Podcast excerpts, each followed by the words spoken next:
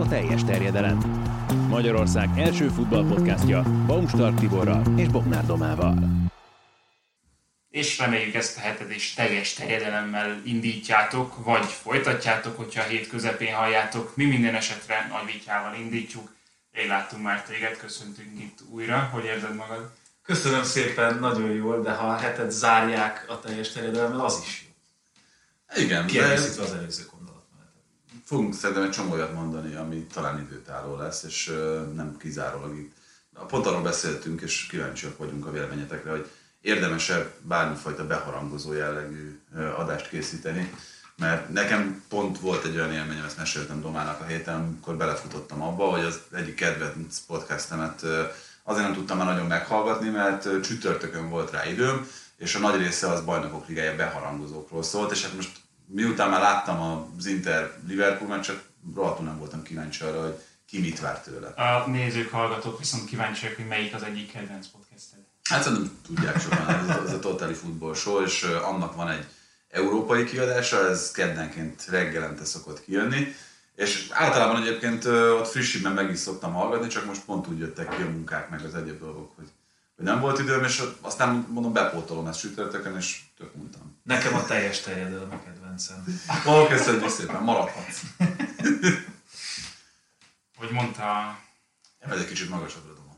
emelem magad. Ja, ez meg a másik, hogy próbálunk új mikrofonokat. Nincsen még állványunk, de a jövő hétre. Igen, de azt nyugodtan elmondhatom, hogy emiatt mindenképpen menjetek rá a, a, a YouTube-on a videóra is, mert érdemes megnézni, hogy a, a mikrofon tartó állvány.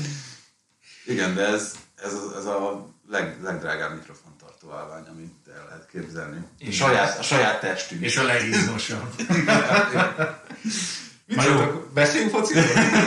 Hát már elkezdtük igazából, mert a BL héten vagyunk túl, és ezt azért szóba hoztuk. Minden idők egyik legunalmasabb, legjobban, a várakozásokhoz képest legunalmasabb Paris Saint-Germain Real Madridját kaptuk. Bár gyanítom, hogyha a francia foci szempontjából nézted, akkor azért annyira nem voltál szomorú. Ne, abszolút nem voltam szomorú, de, de talán tényleg ez a legfontosabb, mielőtt úgy magáról a meccsről beszélnénk, hogy ez az idegenbeli, vagy idegenbeli lőtt gólszabály eltörlés.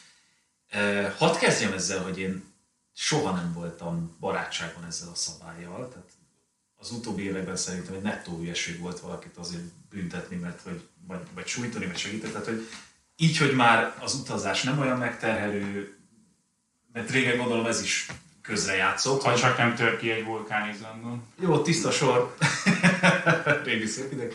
Szóval, hogy, hogy én ezt eltöröltem volna, de így, hogy eltörölték, borzasztó volt látni a Real Madridot, és magát tényleg a mérkőzést is. És azóta meg azon gondolkozom, hogy jó, eddig nem szerettem ezt a szabályt, ötös kipipálták, vagy kihúzták a, a, a listáról, de hogy most mit lehet azzal kezdeni, hogy ennél azért jobbak legyenek a, a meccsek, mert én nekem oké, okay, hogy itt volt a legszembetűnőbb, hogy, ez a szabály megszűnt, de igazából az összes meccsen azt éreztem, hogy az első meccsen idegenben játszó együttes úgy, úgy megvolt. Oké, okay, a Liverpool kettőt rugott, de szent meggyőződésem, hogy ott az Inter játékosok az első után elfelejtették, hogy ez a szabály már nincs, és kicsit jobban megtörtek a keleténél. Bocsánat, hogy átmentem a Vaszfrontra.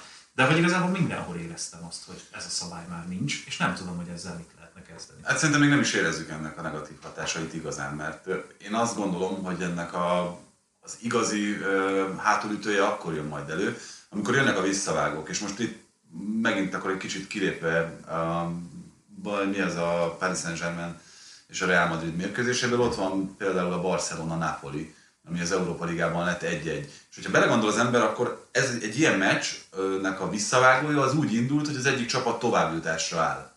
Ugye itt jelen esetben a Napoli, mint az idegenben szerzett gólnak a, a tulajdonosa, és itt most 0-0-ról úgy fog indulni a mérkőzés, hogy ez hosszabbításra áll. És ami egyébként a nagy tornákon szerintem az egyik legszomorúbb dolog az egyenes késéses szakaszban, hogy nagyon sokszor érzed azt a csapatokon, hogy azt mindenki felé könnyen tudjuk kommunikálni, hogyha esetleg hosszabbításban, vagy még inkább büntetőkkel esünk ki.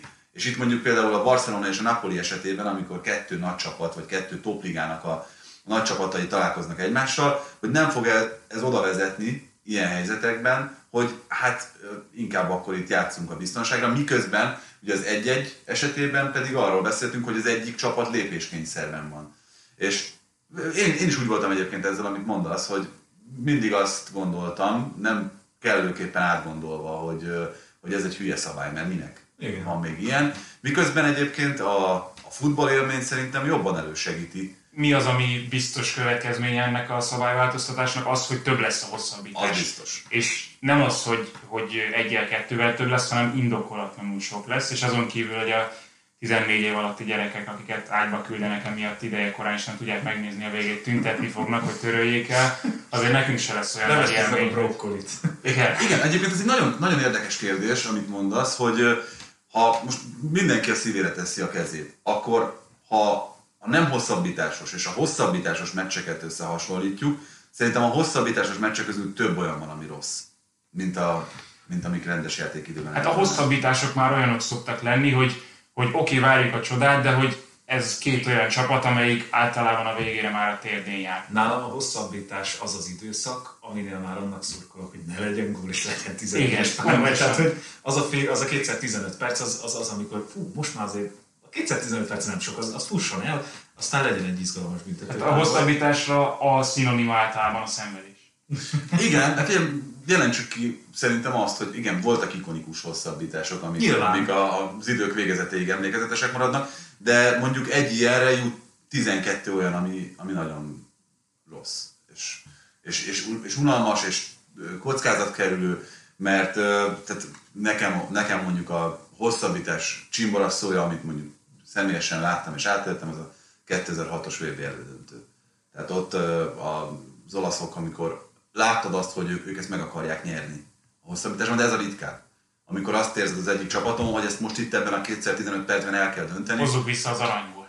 És bocsánat, hogy, hogy egy másik aspektusból beszélünk a szabályeltörlésről, szerintem így nagyon nagy előnyben van az, aki idegenben kezd. Mert azt mondod, hogy kimegyek oda egy defenzív, tudjuk le 0 0 hiszen otthon majd 70 ezer emberrel vélhetően megoldjuk. Egy pozitív hatása lehet egyébként, ami már most itt kiderülhet, hogy például lesz-e meccs az Enfielden. Mert hogy úgy mehet ki az Inter, hogy egy 2-0, de egy 3-1 is ugyanúgy jó. Szóval most az, hogy mi otthon kaptuk a, a gólt, az, az, az, az annak igazából komoly jelentősége nincs. Pont amiatt, amiről beszéltünk, hogy már nem ö, lovasszekérrel utaznak a, a meccsekre a csapatok, meg nem több napi hajóútra vannak egymástól. Mikor utaztak Országért? Hát ö, nézd meg kérlek szépen a Foci Mindenki című sorozatot, az 1800-as évek Angliájából, és ott, ott még utaznak lovasszekérrel. Ha, Az az a bajszos sáv? Az, az, az. Ja, akkor láttam, igazad. Bajszos csáv! hamar meg volt egyébként. Miről beszélek? Na de igen, bocsánat, kicsit eltértünk szerintem. Igen, de szerintem a- ez nagyon fontos. Tehát a mostani BL kör szempontjából könnyen lehet. Hát vagyunk valami a- a konzekvenciát, hogy akkor most, akkor most ez jó vagy nem, vagy, vagy idióta FIFA, mert megint úgy hoztak szabályt, hogy nem gondolkodtak idióta, a... De inkább, inkább nem jó szerintem.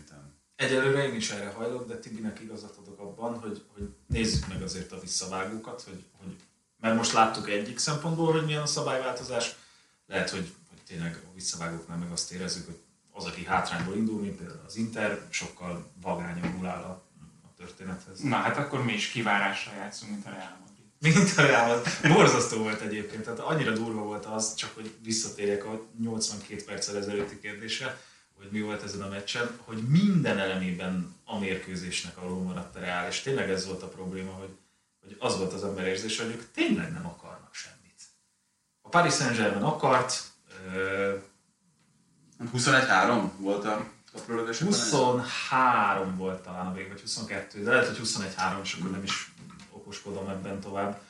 Elképesztő forint volt az XG mutatótól, a lövés, lab, tehát tényleg kiszedtünk a, a legutóbbi magazinban múlt pénteken 8, a 8 legfontosabb statisztikai elemben mindben a Paris Saint-Germain volt jobb. Hát Mbappé-val Pont a, a 94. percben léptünk át, és ezt mondtam a feleségemnek, Nódinak, hogy úristen, még mindig úgy mennek, mint a messzes. De nem gondoltam, hogy, hogy ennek még lesz bármi foganatja. Csodás volt. Tehát, hogy tényleg elképesztő az, hogy... Hát senki nem tudhatja, hogy ha Lukács Vázquez a jobb hátvéd, akkor bármi előfordulhat. Ott, ott nem tudom, mi volt a megfontolás, mert tényleg amennyit egy védekező csapat ellen hozzá tud adni ő is, meg Carvajal is, annyit Lucas Vázquez elvesz védekezésben.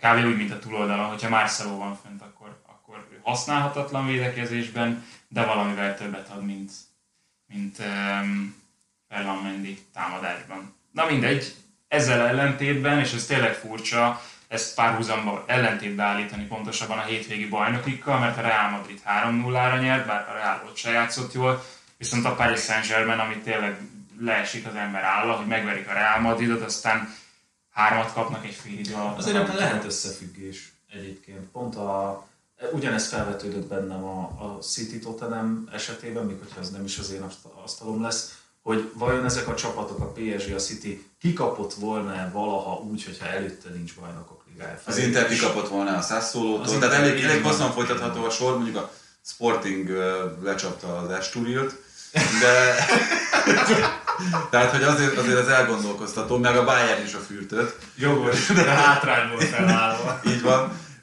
De, de egyébként abból a szempontból vizsgálva a dolgot, hogy a Liverpool is szerintem a keleténél jobban megszenvedett egy Norwich ellen, City vereséget szenvedett a Tottenhamtől, az Inter kikapott a Sassuolo-tól, a PSG a Nantól, azért valami fajta minta kirajzolódik, hogy aki bajnokok ligájában szerepelt, az, az egy kicsit azért haloványabban teljesít. Igen, és a Paris saint egyébként is amúgy jellemző ez, hogy, hogy olyan elképesztő plusz motivációval lépnek pályára a játékosok a BL-ben, amire azt mondjuk, hogy normális, de itt Párizsban ez még hatványozottabban igaz, amikor tudod, hogy úgyis mindent te fogsz nyerni, ez ugye pont nem igaz, mert a francia kupából kiestek, de amikor 100 ponttal vezeted a bajnokságot, akkor ezek a bajnokik annyira már nem érdekesek.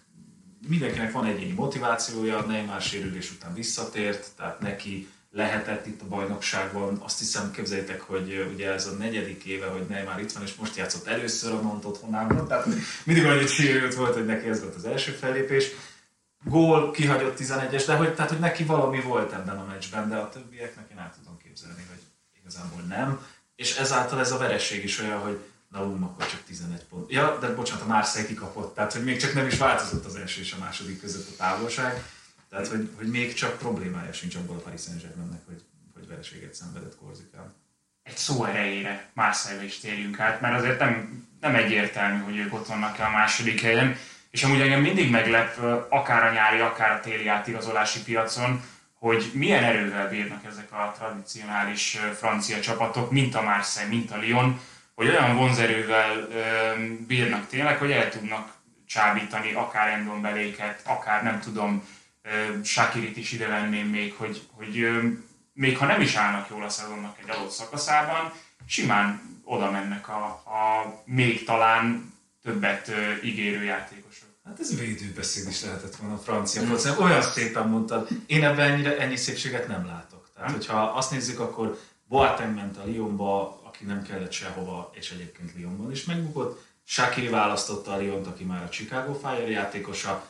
Kit Endonbeli, aki nem játszott a Tottenhamben, visszament az előző csapatához, hogy legalább összekapja magát. Tehát valóban érkeznek jó nevű játékosok. De... Toko Ekambi, a Villarrealból elmegy a Toko Ekambi, igen, igen most, hogyha azért a száz hallgatót megkérdezik, hogy ki ismeri Kártokó Ekambit, akkor lehet, hogy nem lenne olyan jó az arányunk, de, de mindegy, de jól hangzott, amit mondtál, csak azt mondom, hogy szerintem itt a nagy nevek esetében mindenkinél volt valami, valami csak, csak be, belolvastam közben az adás mellett. mit olvastam? Felolvasom Bence barátunknak a megfogalmazását, nem az enyém, Bencé. Szép. Marseille-ről van szó, olyanok karrierjének adtak egy második esélyt, mint az Arsenalból kiutált Genduzi, vagy Kolásinác, a Rómában egyaránt megbukó Sherson és Cengizinder, vagy a dagadt. Amikor ezt olvastam, egy valami jutott eszembe, meg kell, hogy a nagy kő alatt lakik a nagy békák. Vagy nagy alatt nagy kígyó lapul. Mint, mint az indián közmondás alapján. Bocsánat. Uh, igen. igen. Egyébként azt hozzá kell tenni, hogy ha motivátort keresünk, nevessünk még, vagy lépjünk? Nem, én még kuncolok itt magamon, de beszéltek. szóval, hogy Jorge Sampaoli azért képes mindenkinek visszaadni valamit az ő habitusával, mentalitásával, és... Még pályátnak is? Még pályáknak is, mert pályát a tavalyi szezonban úgy nézett ki, hogy végképp... Hát annál züllesztőbb társaságot, mint Dario Benedetto pályát egy csapatban, és akkor még melléjük a Ki volt a harmadik? Züllesztő. Marseille-ben? Igen. Hát, Hát, na mindegy. Kire gondolsz? Már egy se igazából. Ja, jó. tehát nem is volt valami ketten vannak. nem tudom, hogy kire gondolsz. Még volt ott valaki. Mindegy. De, De, de lecsúszott arc. nem teljesen lecsúsz, nem tudom már ki volt az. Tehát nem ennyire, mint minden. Ez, tudom, mindegy, ezen most lépjünk túl. Igen, de tényleg, hogy- Payetet is összekapta San Paoli, Genduziból szerintem nagyon jó játékos csinált, a Loriannál lehetett őt utoljára ilyennek látni, mint amilyen itt Marseille-ben. Gerson még adós, ugye ő, ő valami 25 millió euróért érkezett eh, Brazíliából, San Paoli akarta, és azért ő még annyira nem mondjuk, hogy bevált, Kolasinac még csak most jött, tehát rá sem mondanék olyan konkrétumot, de, de szerintem egyértelműen a San Paoli a kulcs. Amennyire a Marseille felemelkedése San Paulihoz köthető, azért ez a kisé hektikus szezon is, mert olyan nagy a mentségeket csinál, ezt nyilván nem bántva mondom, félre de hát itt felállásokban mindig azt várom, hogy a fordulóban itt mi lesz. Tehát ugye van a 3-3-3-1, de sokkal jobban tetszett a 3-1-2-4. Tehát i- ilyen formációkat képes pályára rakni, szóval, hogy kicsit az az emberérzés, hogy minden fordulóban megváltaná a világot, és mindenkit mindenhova rakna, és ez néha jól első, néha nem. Ezért van az, hogy ugye a második a csapat, de nincs nagy előnye, a Paris Saint-Germain-től kilométerekre van, mindenkivel együtt, nyilván a Marseille. Ez hosszú távra is jó terv, vagy én, az, én azt hittem a, még ilyen szeptember-október magasságában, hogy ezt a hőfokot, amit ő generál, ebben decemberre burnoutos lesz mindenki. Aha.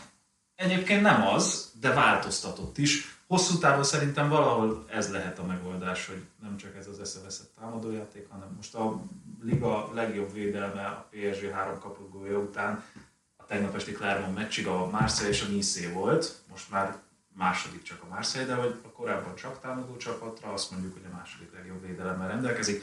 Valahol így középen igazság a dagat pályátéknél. Miközben hát itt a Dagat pályáten kívüli játékos anyagot nézve azért ezt is felírta Bence, hogy eh, Kamara lejáró szerződés, eh, Caletacar, Caletacar évek óta, évek óta eh, menne. Salatacár.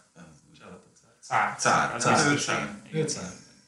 Egyébként ő erre azt mondta, tehát, hogy például igen, régóta mondja most ugye a Wolverhampton volt januárban, de mondta, hogy, hogy igazából ezek a plegykák vannak, megunta, nem foglalkozik Vagy ez is a hosszú távú Mekkora- kérdéses azért. Szerintem nem ők a mag. Egyébként Kamara hiányozna, ő lehetne klublegenda, Marseille fiú, de valószínűleg ő ugye ott azt hiszem, hogy talán anyagi kérdések voltak, de ő menni fog. Ö, Saliba, az mondjuk fájó. Ugye most nem tudjuk, hogy a Marseille kizárják az átigazolási időszakból, vagy sem a Pagge átigazolás miatt. Ha igen, akkor Saliba ugye nem maradhat, mert ő szimpla kölcsönszerződéssel van az Arsenalból a Marseille-ben, mert ö, ugye volt a Genduzira is vásárlási opció, Paulo Lópezre is, tehát hogyha őket ki is zárják, akkor őket még meg lehet majd tartani. Saliba ez alól kivétel. És akkor mennyiben lehet összehasonlítani a BL résztvevő csapatoknak, ha nevezzük bénázásának a hétvégén, és a Róma, illetve a Milán hétvégi bénázását? Ők is európai kupa szereplők voltak. Bizony nézték a meccseket és megzavarta őket. Igen. Nekem mind a kettőnél az volt az érzésem, a, a Rómát azt később kapcsoltam oda, Milánt az elejétől néztük, hogy úgy, úgy mindkét csapat úgy volt, hogy oh, őket hátra kötött kézzel csukott szemmel is, és aztán úgy ébredni kellett közben. Úgyhogy nekem ez volt a, a két meccs között egyértelműen ez volt a, a párhuzam, hogy kicsit mindkét oldalról azt éreztem, hogy annyira nem vették komolyan a másikat. Hát a Salernitanet nehéz is egyébként komolyan venni. Nyilván. Ezt tegyük hozzá, a Veronát azt igen, tehát hogy azért a tudorék már okoztak néhány olyan meglepetést, amivel Pont ez a gyönyörű az egészben, hogy okoznak meglepetéseket, a nagyok ellen mindig ott vannak a címlapon, meg mit tenni a kis Simeone belül egy Mester 3 minden Négyes hónapban, volt, vagy Mester Igen. 4-est, hogyha úgy tartja kedve, de közben sima középmezőny. Hát igen, és ez a Sassuolo-ra is igaz. Tehát De igen, de- de- gyakorlatilag itt a Verona esetében szerintem ennél nem is lehet nagyobb az elvárás. Tehát, hogy ott abszolút erre predestinált ez a csapat. Azért Tudornak volt pár megégése itt az elmúlt években szerintem. Az Udinézénél. Az Igen. igen, az az volt. tehát ö, De én erre keresem a magyarázatot, hogy mitől győzik le a nagy csapatokat, és vagy mitől szorongatják meg őket, és mitől nem tudnak mégis elég meccset nyerni Európában. Nekem minden topligában, és ez egyébként a franciában is így van, hogy nyilván a nagyok elleni meccs az ezeknek a csapatoknak az az év meccse. Nekik nincs bajnokok ligája, nekik az a kettő, jó, nyilván Olaszországban ilyen a, a Milán, az Inter, a Juventus, a Napoli elleni meccs, tehát ott végül is 80 a 38-ból, hogy itt vannak ezek a meccsek, amikor te meg tudod mutatni, hogy egyébként te egy jó portéka vagy, te egy jobb csapatban játszó futbalista lehetnél. Szerintem egyértelműen ez a motiváció minden egyes mm. ilyen teljesítmény mögött. Hát különösen akkor egyébként, hogyha olyan csapatról beszélünk, mint a Sassuolo, ahol az edző is, tehát Dionýzi is, meg a játékos keret is tartalmaz sok olyan elemet, akik mondjuk elég magasra tagsáltak a bennük rejlő potenciál alapján, ilyen Raspadori vagy, vagy Skamaka például, de Berardi is, igen, őt is nyugodtan ide sorolhatjuk, és, és számukra tényleg ezek azok a meccsek, amiken, hát most lehet, hogy csúnyán eladhatják magukat, meg amik, amikre még lehet, hogy nem is tudatosan, hanem csak tudat alatt egészen más motivációval készülnek. Ami a top csapatoknak a bajnokok ligája, a nem nemzetközi porondon játszó csapatoknak az a nagyok elleni otthoni országon belüli meccs. Nem inkább az, hogy ez fekszik nekik, hogyha a nagy csapatok ellen játszhatnak? Ez is benne van. Ez is benne van, bár mondjuk ugye Skamaka esetében azért nem arról beszélhetünk, hogy ő egy ilyen, ilyen kontracsatár lenne, vagy, vagy egy olyan típusú, aki, akinek feltétlenül az kell, hogy óriási terület legyen előtte. Elég érdekes, tehát Skamakát azért is figyelem most kicsit kétkedve, mert pont Szabó Pittel volt ezen. Őt, ha jól hallottam a kommentátort, az angolt, az Interrel már szóba hozták, hogy leszerződött, vagy? Az Interrel biztos, de már... De, de sok, hát sok csapat. Ugye, Juventus is volt. Mondjuk ezt nem egy 195 centis viszonylag nagy darab fiú, aki ahhoz képest egyébként, hogy, hogy hogyan futballozik a Sassuolo, meglehetősen sokat van játékban. Tehát mondjuk meccsenként van 40 érintése körülbelül átlagban, ami egy ilyen klasszikus centerként futballozó játékostól viszonylag sok. Eléggé nem szerez túl sok labdát elől, annak ellenére, hogy a Sassuolo letámad, viszont nagyon sok a nyomásgyakorlása, tehát azt hiszem 16-17 alkalommal gyakorol nyomás az ellenfélre. Nem csinálja túl jól egyébként, mert azt hiszem ezek közül kettő vagy három sikeres általában, de én szerintem Skamaka esetében a potenciált kell nézni, hogy mi az, ami, ami benne van, amire megtanítható, még egy nagyon fiatal, nagyon fiatal. fiúról beszélünk, és azt én látom benne, hogy ő lesz a, a következő évek olasz kilencese, ugye most jó esély van arra, hogy ha, hogy ha Immobile nincs, akkor mondjuk Belottit már megelőzi a sorban, azt én azért nem merném kijelenteni, egészen biztosan. Mondj mást. Fú, hát nem tudom már... Elé újra oda kerül, de mondjuk őt vegyük ki a matekból. Nem, nem tudok más mondani. Ugye? Tehát, tehát nekem van talán a legtöbb, csak tehát például ezzel a sebességgel, amivel ő bír, én azt gondolom, hogy mondjuk nem biztos, hogy megcélozható a, a nemzetközi plafon. Hm. Tehát meglátjuk, én, én szurkolok azért, hogy, hogy jó legyen. Különösen azért, mert ezek, ezek szerintem tök jó sztorik, hogyha valaki úgy, mint ahogy ő Genoából, Sassuolóból tud eljutni mondjuk egy olyan szintre, és szerintem Spanyolországban egészen sok az ilyen játékos, aki, aki akár kisebb csapatból kerül föl magasabb szintre. Tehát ezek mindig nekem szerethető történetek. Berardinak viszont úgy tűnik, hogy nincs kedve ehhez. Tehát, hogy Igen, annak ellenére, hogy, hogy, hogy, hogy micsoda szezonjai vannak, megint dupla-duplánál jár, ugye, 10 gól 10 assist. Kedve neki, neki szerintem lenne hozzá. Tehát ezt tegyük hozzá, hogy ő, ő nagyon hosszú évek óta azt lehet hallani, hogy szeretne, szeretett volna eligazolni. Lehet, hogy egyébként most már belenyugodott ebbe a helyzet. E, igen, viszont ő szerintem fejben nem alkalmas a, a hosszú távú sportra. Na, hát, Ö, gyakorlatilag korosztályos válogatott korában is ö, rendszeresen hátrányt jelentett szerintem az olasz 21-es csapatnak azzal, hogy kétszer vagy háromszor állították őt ki, azzal, hogy minden meccsen benne van a sárga lap, egy forró fejű megoldás. Az, hogy ilyen szinten rendszerbe tudta őt tenni Mancini, és az Elvén meg az odavezető úton... Az olasz 21-es csapatot nézted? Már bocsánat. Természetesen. Igen, Ezen még meg. Folytathat, folytathat. Te ismered a? Szóval, szóval Berardi szerintem az olasz futball egyik, és ezzel talán nem mondok mert az egyik legzseniálisabb tehetsége, hogyha ő, ő fejben kellően érett lett volna, mire egyébként fölkerül arra a polcra, ahol, ahol van, meg de 18 évesen gyakorlatilag kezdőjátékos volt a Sassuolo-ban, vagy 19, most nem akarok fals adatokat mondani, akkor, akkor, akkor tényleg arról beszélhetnénk, hogy a posztjának a legjobbja Olaszországban. De soha nem tudott igazából kijönni belőle, hogy ez azért, mert hogy frusztrációt érzett amiatt, hogy neki idézőjelben csak a szóló maradt. Vagy, vagy azért, mert, mert, mert ő maga is érzi azt, hogy nem tudta eddig kihozni azt a pályafutásából, ami egyébként benne rejlett, az végül is lényegtelen kérdés is ilyen szempontból, de, de én azon most már csodálkoznék, hogyha neki még egy nagyon nagy szintlépés lenne a karrierjében. Most így, ahogy beszéltél, azon gondolkodtam, hogy össze lehetne rakni egy ilyen alternatív olasz válogatottat. A fejben sajnos kevésbé erős, ám de technikailag fantasztikus játékosokból. És akkor a jobb oldalon Berardi, középen Balotelli. Hát és nekem, nekem egyébként nem is Olaszországban játszik az az ember, aki ebben a legnagyobb, hanem gondolsz? Marco Verratti-ra. Aki szerintem, szerintem a korunk legjobb De jó, hogy visszahoztad még ezt a témát, mert ezt egy picit átugrottuk, pedig ugye a Real Madrid elleni meccsnek talán kijelenthető egyértelműen a Ja, legjobbja, hogyha nem a gólszerző alapján keresünk hőst a találkozón. Hát az a srác állítólag, igen, az a srác állítólag ö, semmilyen szinten nem él ö, mondjuk professzionális sportemberhez méltó életet.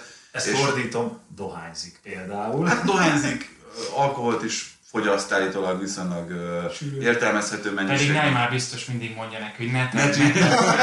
Ah, azt az utolsót már ne. Igen, és hát azért ez nyilvánvalóan összefüggésben van azzal, hogy mennyi időt hagyott ki ő sérülés miatt, és milyen eseményeket, meg milyen tornákat. Tehát ez a srác nem játszott világbajnokságon még, hogy csak egy apróságot mondjak. Miközben hát most pont a Real Madrid ellen látszott, hogy egy, egy egészen zseniális képességű fiúról. Tavaly novemberben egy nagyon-nagyon jó statisztikát találtam vele kapcsolatban, úgyhogy tehát az idei évet azt nem tudom frissíteni, de akkor novemberben az volt, hogy a meccsek 33%-án volt elérhető. A legdurvább, a, a legjobb mutatója, az azt hiszem, hogy 2014-15-ben volt, akkor a PSG-s meccsek 69%-án volt egészséges.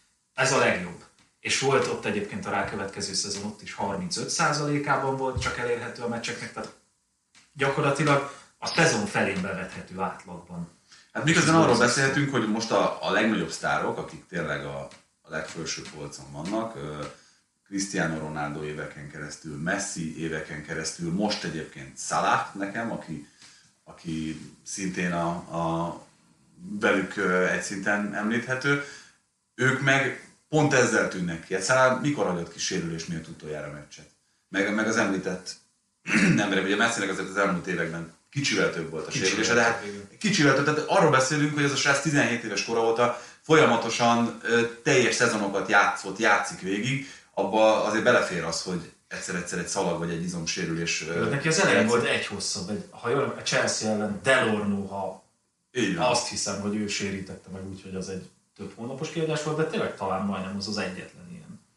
Így van. Úgyhogy, és ezek, ezek szerintem ab- abból is fakadnak, hogy mindegyikükről tudjuk azt, Hogy az egyébként is profik. így van, tehát hogy, hogy, hogy Szálárnak tudjuk az étkezését, a regenerációt. Tehát az, hogy, hogy, a, hogy az ember leszáll a repülőről, visszatérve Kamerunból, és gyakorlatilag ott van a pályán, és ugyanúgy fut, ugyanannyit. Miközben egyébként arról beszélünk itt a Chelsea kapcsán, hogy Tuchel hosszasan, perceken keresztül azt ecseteli az interjúban, hogy hát ez nagyon nehéz ezt a klímakülönbséget, meg a, meg a páratartalom különbséget, meg, a, meg az utazást, meg az egyéb dolgokat kezelni. És igaza van, tehát hogy Persze. nem is vitatkoznék vele, de Szálának ezek úgy látszik, hogy nem számítanak például. Még egy adalék ehhez, ugye a Valencia ellen játszott a Barca a hétvégén, meccs előtt jött szembe a statisztika, Dembélé 2017 nyara óta van Barcelonában, nem tudom most hirtelen, hogy hány, azt hiszem 12 meccset játszott azóta a Valencia és a Barcelona. Összesen Dembélé ezen a 12 meccsen játszott 11 percet. Vagy bocs, 17-et. Ennek így akkor nem is nincs is jelentősége. Miközben egyébként Dembélé szemkápráztatóan jól játszott, például most a Napoli ellen. Igen, ezt láttam a Twitteren ki is írtad. beállt, és, és ö, ugye most elég komoly a hype Adama Traoré körül, talán félig meddig jogosan, de, de azért Dembélé szerintem még nagyon-nagyon sokkal több nála. Uh-huh. Igen. Tehát, hogy a, ami, gyakorlatilag az ő helyére jött be, Igen, ha honosítanák Demberit és olasz lenne, akkor ő lehetne az egyik szélső támadó ebben az alternatív válogatotban.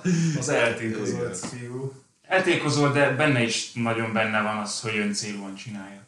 Tehát sokszor, sokszor ez, ezért gondolják, gondolták megmentőnek Barcelonában is, mert bejön Dembele, és végre történik valami a pályán. De lehet, hogy kicsit ő is úgy egydimenziós, nem úgy, mint Raúl, nem annyira. Sokkal több lehetőség van benne, de ő sem feltétlenül képes annyira fegyelmezetten játszani, mint ahogy egy tényleg igazi vérprofi játékostól elvárná. Hm. És olyan, mint hogy a Xavi egyébként direkt csinálná azt, hogy azon túl, hogy próbálja meghonosítani azt a játékot, ami neki és a Barszának a sajátja, azon túl szándékosan keresne ilyen opciókat, amikkel amúgy meccset lehet nyerni. Mint Traoré, mint például Luke Jong feje, bár azt nem ő találta, hanem az, az Ronald Kumannak volt a, az hát, de ha már van, akkor használja. De ha már igen, ott van, akkor és jól is használja. Igen, de ezek az elemek hiányoztak a Barca. Most ezen gondolkoztam, hogy mondta, hogy Adama Traoré is mennyire egydimenziós játékos. Valóban, de ez a dimenzió hiányzott a Barcelonából. Tehát, hogy, és ez meccs, tehát meccseket dönt el, meccseket nyer, vagy meccseket egyenlít ki, mert ő bár semmit nem csinált a Napoli ellen, mégis az ő beadása volt az, ami kézre pattant, és abból tudott jeleníteni a... De igen. Jó, de egyébként a, a jó állapotban lévő Aubameyang is, ez a esnyerő kategória, nem? Abszolút. Én, én azt gondolom, hogy ő nagyon be fog válni egyébként. Hozzáteszem, hogy azért a Barcelonáról nekem sokat elmond az, hogy a mostani trió, aki érkezett előre, előre Ferran Torres, Aubameyang, Adama Traoré, megnéztem, hogy, mert ugye óriási elvárás mindenki részéről, hogy ők, ők óriási dobjanak majd, de azt néztem, hogy Ferran Torres 9 gólt lőtt az elmúlt másfél szezonban, Adama Traoré 3 a Premier League-ben, Aubameyang pedig 14-et, ugye a fél szezon, és akkor kettőt lőtt azt hiszem ebben a szezonban. Tehát, hogy itt azért Barcelonában ők szuperhős jelmezbe érkeztek, de amúgy az előző állomás helyükön nem voltak akkor a játékosok. Gólszerzőként Obameyangnak van csak igazán komoly múltja ebből a szempontból. Igen, Ferran az nem komoly múltja az egyébként, Igen. tehát hogy azért most lehet itt, amit Obameyang mondott a, talán az első barcelonai nyilatkozatainak egyikében, hogy igazából őt a zártétával való kapcsolata akadályozta abban, hogy kihozza magából egy idő után. De előtte minden szezonban 20 jutott, nem? Abszolút, abszolút. És idén sem, tehát idén is áll annyira rosszul, mint amennyire így lefelé ment az ő görbéje. Hát meg itt az külön érdekes, hogy abban a szezonban, amikor Arteta átvette az Arzenát, abban milyen szinten húzó ember tudott lenni ősz, tavasszal, ugye az ő vezérletével nyerték meg akkor az FA kupát, úgyhogy... Ott esett szét a kupa, nem? Igen, igen pontosan. És ott akkor kapta azt a szerződés hosszabbítást, ami utólag kiderült, hogy lehet, hogy hiba volt aláíratni vele, mert ebből a szerződésből próbált valahogy aztán kimenekülni az Arsenal. Ennek köszönhető az, hogy a Barcelona úgy tudta elvinni most Pierre-Emerick Aubameyang-ot, hogy vállalta a, a brutális fizetését, amit a, amit a klubnál kínáltak neki. De ezt már beszéltük, hogy ugye fél évre első körben, másfél éves a szerződés, de, de nyáron ezt így elvághatják. A, de ezek egyébként, ezek egyébként racionális, racionálisan megkötött dolgok. Tehát Traoréval kapcsolatban is az, hogy fél év kölcsön nézzük meg, hogy beválik-e. Aubameyanggal kapcsolatban is be van, bele vannak építve a rendszerbe ilyen Én, én vállalom, hogy nem vagyok képben, de nekem abszolút az van. Nem az, hogy az Arsenal kifizette Aubameyangot, és ő ingyen ment Barcelonába 2025-ig? Én mintha ezt láttam volna. Én de lehet, hogy vakvágány, tehát vállalom, le, nem tudom, lehet. Ingyen ment Barcelonába, az biztos. Hát, és, te, és én szerintem a fizetési átvállalásáért én nekem az, az rémlik, de... Nekem az rémlik, hogy az Arsenal fizetett még 8 millió fontot, most mondtam csak egy számot, és ő így már teljesen tehermentesen ingyen írt alá 25-ig, de egyébként meg tudjuk nézni nyilván. Nekem valamiért ez rémlik. Hagyjad, majd megírják kommentben a kedves. Jó. Ó, oh, trükkös, szép találat. Nézők. Egyébként akkor most elárulom, hogy ez nagyon, nagyon Előre megbeszélt. De maradjunk itt egy pillanatra. Tehát van egy olyan Barcelonánk, ahol Aubameyang hétvégén egyébként Mester 3 szerzett, és a Napoli ellen, ami Ferran Torresnek nem ment, a helyzet kihasználása pocsék volt, az Aubameyangnak nagyon ment a hétvégi Hát az az első gól, az, az, az olyan Aubameyang legjobb időszakában. Beverte, mint lovalónak, ahogy mondani szokás. Mondani, de... De konkrétan az első fél időben hogy leszomorodott, lehervadtál. Nem, nem egy ilyen színvonal emelő. Egy kört És mondat volt ez. Nem tőled számítottam. Barásomnak egy vodkát. Na igen, de folytassátok.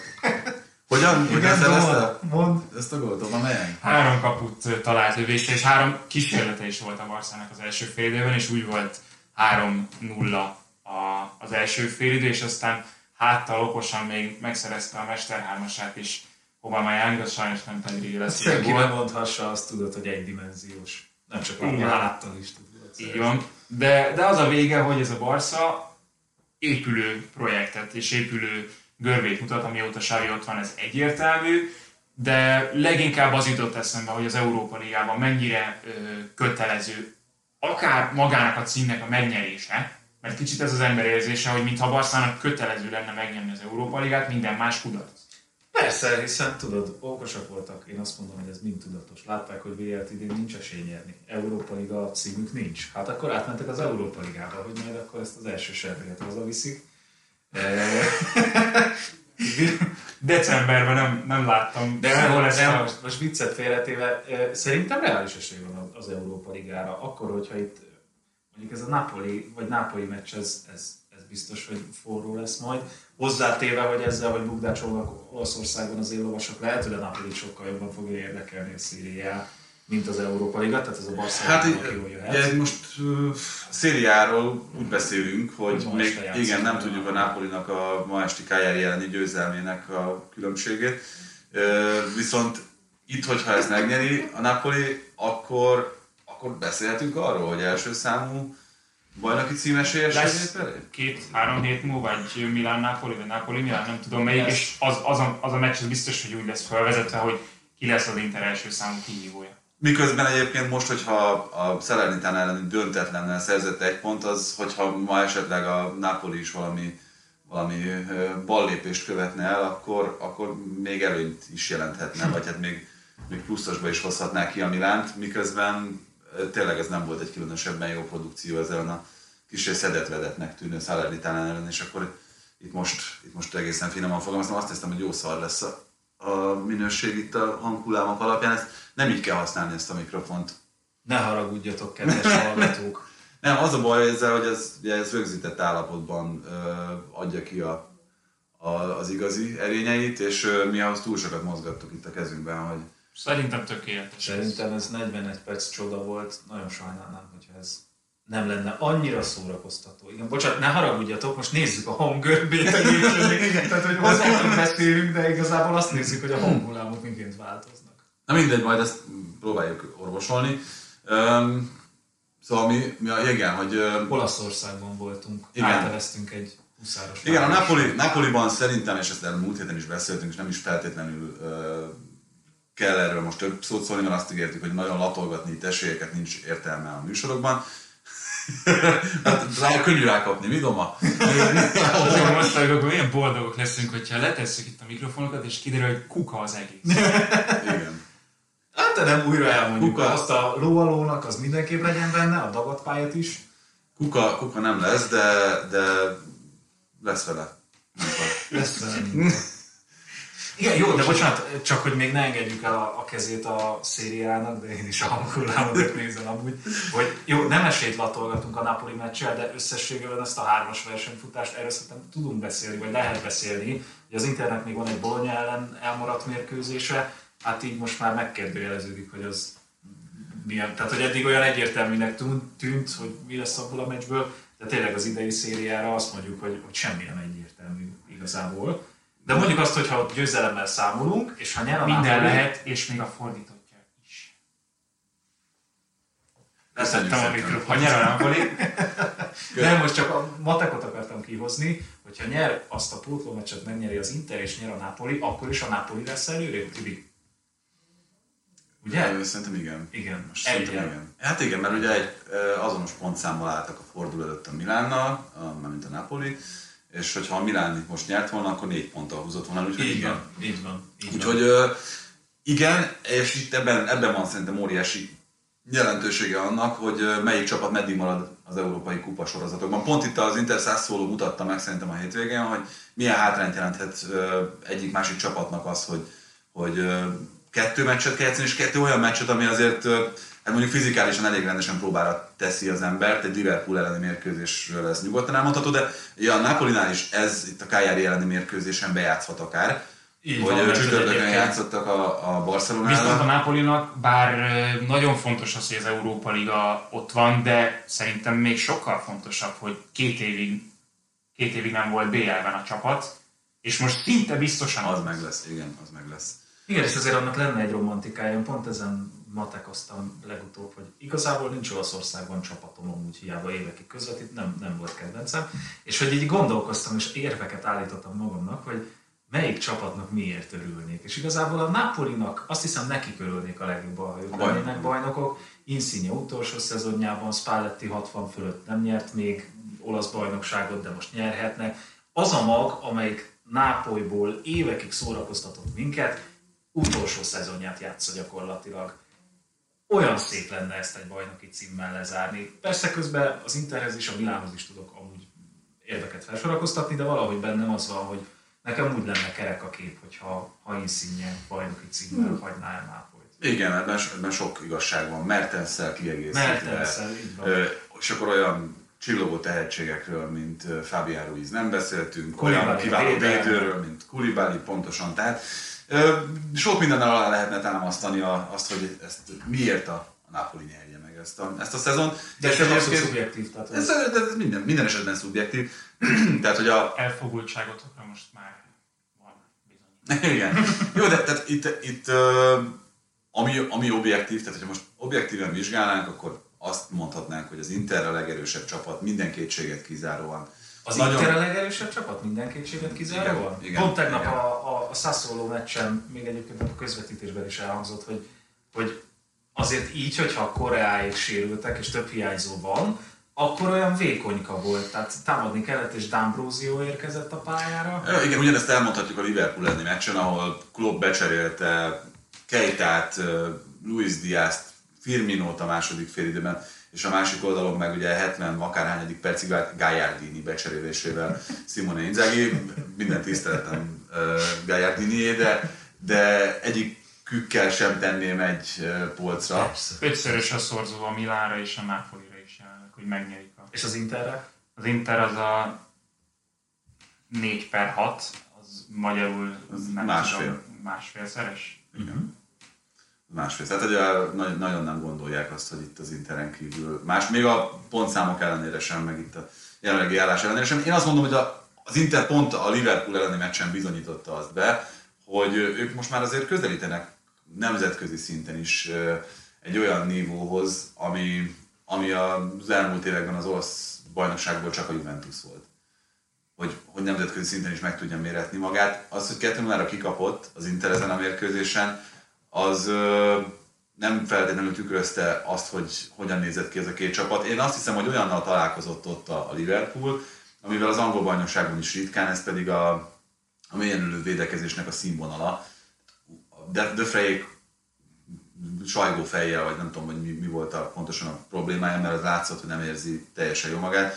Olyan minőségű védőmunkát tettek le az asztalra azon a mérkőzésen, ami helyenként lélegzetelállító volt, arról meg nem is beszélve, hogy a második félidőben egy, egy apró változtatással Inzaghi olyan szinten rombolta szét a Liverpoolnak a letámadását, olyan könnyedén hozott ki labdát az Inter, hogy, hogy, hogy, hogy azt, azt tényleg ö, egészen furcsa volt látni. Nincs benne, bocsánat, csak ezt még korábban mondtam, és szent meggyőződésem volt, hogy 0-1-nél nekem kicsit az volt a benyomásom, de aztán ez persze simán lett bele magyarázás, hogy, hogy az új szabály, vagy a szabály eltörlés kicsit úgy még nem ért el mindenkihez, és úgy megroppantak, hogy basszus, kaptunk itthon gólt, ez mekkora mínusz. Pedig egyébként nem nagy mínusz még a 0-1, és arra jött rá a második.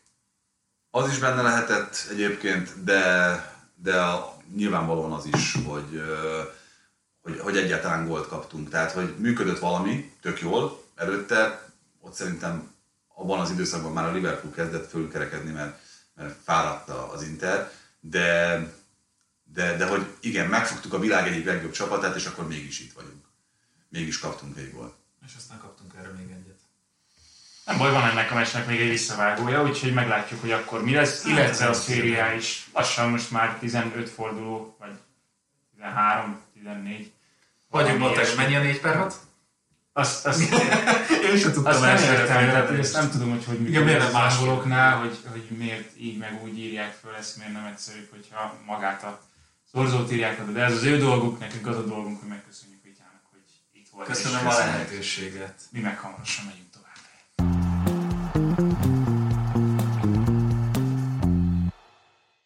Megyünk is tovább még hozzá Fehér Csabával, akit újfent köszönhetünk a podcastben, hiszen most már régen láttunk, időközben az MLS-től is eljöttél, ez nekünk nagy öröm, mert a Spiller TV-n többet láthatunk téged.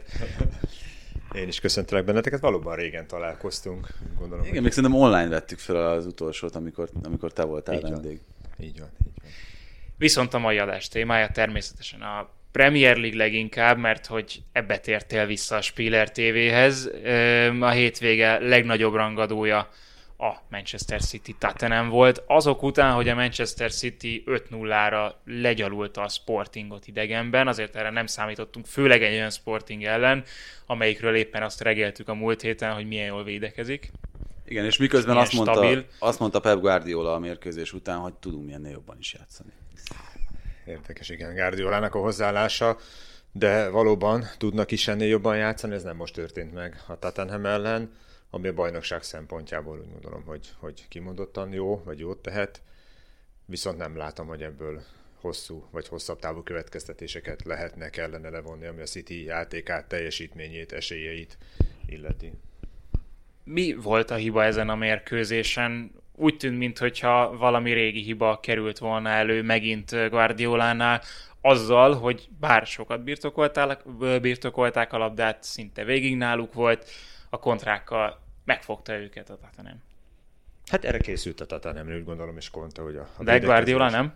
Hát Guardiola kevésbé, tehát ez, ez a, természetesen készült, de ez a játékhoz hát nagyon magas szintű koncentráció kell, tökéletes erőléti állapot. Most lehet, hogy ebből a szempontból a City-nél egy kicsit gyengébb teljesítményt láthatunk, illetve ne felejtsük el, hogy ennek a játéknak azért, azért nagyon kedvez, amit Conte szeretett volna, és játszatott is végül a csapatával, hogy átadjuk a területet, hagyj legyen a City-nél a labda, mi védekezünk, és gyors ellentámadások. Ebben a Tottenham mindig is jó volt, és hát a gyors vezető gól után pedig ez kimondottan úgy alakult a, a találkozó, hogy, hogy ez még inkább, még inkább az ő malmukra hajtotta a vizet. Itt látok egy nagyon fura kettőséget Conte és a Tottenham játékosok viszonyában.